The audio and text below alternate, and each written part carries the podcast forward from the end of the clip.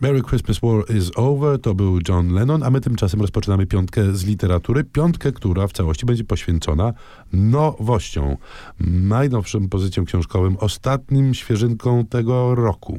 Które mogą spokojnie znaleźć się pod choinką, przypominamy. Pierwsza z tych nowości ucieszyła nas ogromnie.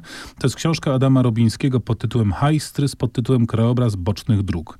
I ja muszę powiedzieć, że podchodziłem do niej troszeczkę jak pies do jeża, w każdym razie z dużą ostrożnością i niepewnością, bo się bałem, że dostanę kolejny tom takiej po poetyckiej prozy o właśnie polskim krajobrazie, o takich nieoczywistych miejscach nieturystycznych i niemiejskich, gdzie narrator będzie chodził i patrzył na jakieś tam krzaczki i, i, i kałuże i poetycko mi opisywał na pół strony, a tymczasem okazuje się, że jest to kawał bardzo porządnego tekstu i bardzo ciekawych historii. Tak, e, ja muszę się zwierzyć z jednej rzeczy, dla mnie święta mm, ostatnio są takim problemem, że e, wyjeżdżam z jednego miasta byłego stołecznego pod tytułem Kraków, jadę do drugiego miasta obecnie stołecznego pod tytułem Warszawa i przez dni kilka nie mam co robić, bo e, w ramach kultury i czytelnictwa wszystko jest pozamykane, czyli muzea, galerie, księgarnie i tak dalej, i tak. No, możesz czytać to, co już kupiłeś wcześniej.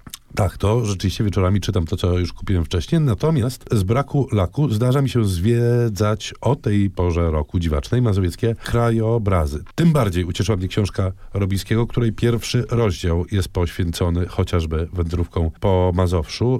E, Pulwy, taka niesamowita, ale antarktyczna e, przestrzeń nieopodal Narwi, e, albo e, Campinos, który jest naprawdę przedziwnym, proszę Państwa, miejscem, bo e, rachityczne sosenki na piaszczystych wydmach, a to wszystko skąpane w e, bagnistych odmętach. Ja nie znam historii, nie znam historii ludzkiej tego miejsca i nie znam historii turystycznej tego miejsca. To rzeczywiście Robiński, mimo że z Campinosem jestem związany od zawsze, Robiński przede mną tę wizję e, roztoczył. E, co niesamowite, to rzeczywiście trzeba było górala, trzeba było miłośnika gór, żeby on wziął i szlaki turystyczne na Mazowszu wyznaczył. No właśnie, bo ta książka pokazuje nie tylko miejsca, które są nieoczywiste, ale historię tych miejsc i często właśnie ludzi, którzy odpowiedzialni są za to, że dziś tam chodzimy i te miejsca oglądamy. Mamy tu więc opowieść o Campinosie, który, od której się to zaczyna, ale jest też na przykład Pustynia Błędowska, zupełnie niesamowita sprawa. E, niby wszyscy kojarzymy, ale jej, jej przeszłość jest dość, e, dość tajemnicza. Czy na przykład pionierów spływania Wisłą, e, którzy w dość już dawnych czasach wpadli na tak atrakcyjny pomysł. To naprawdę e, zaskakująco świeża i odkrywcza rzecz. Ale tymczasem Czas na powieść.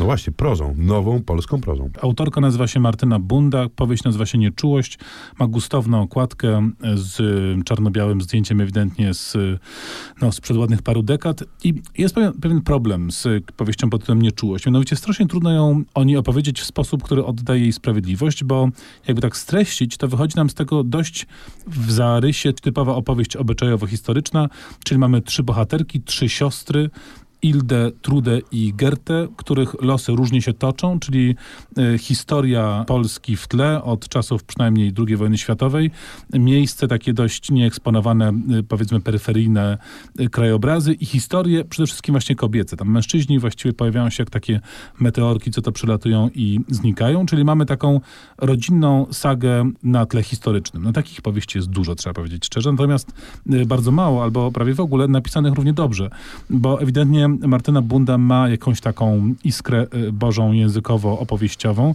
W tym jest e, taki materiał literacki bardzo dobrze potraktowany i czuć rzeczywiście, że to jest znacznie, znacznie więcej niż taka przeciętna opowieść tego typu. Warto spróbować, warto dać szansę tej, tej, tej powieści. Ja też muszę powiedzieć, że bardzo dużo już o tej książce słyszałem, nim w ogóle ona trafiła w moje e, ręce. Ja myślę, że, że ona wywołała jakiś czytelniczy szał.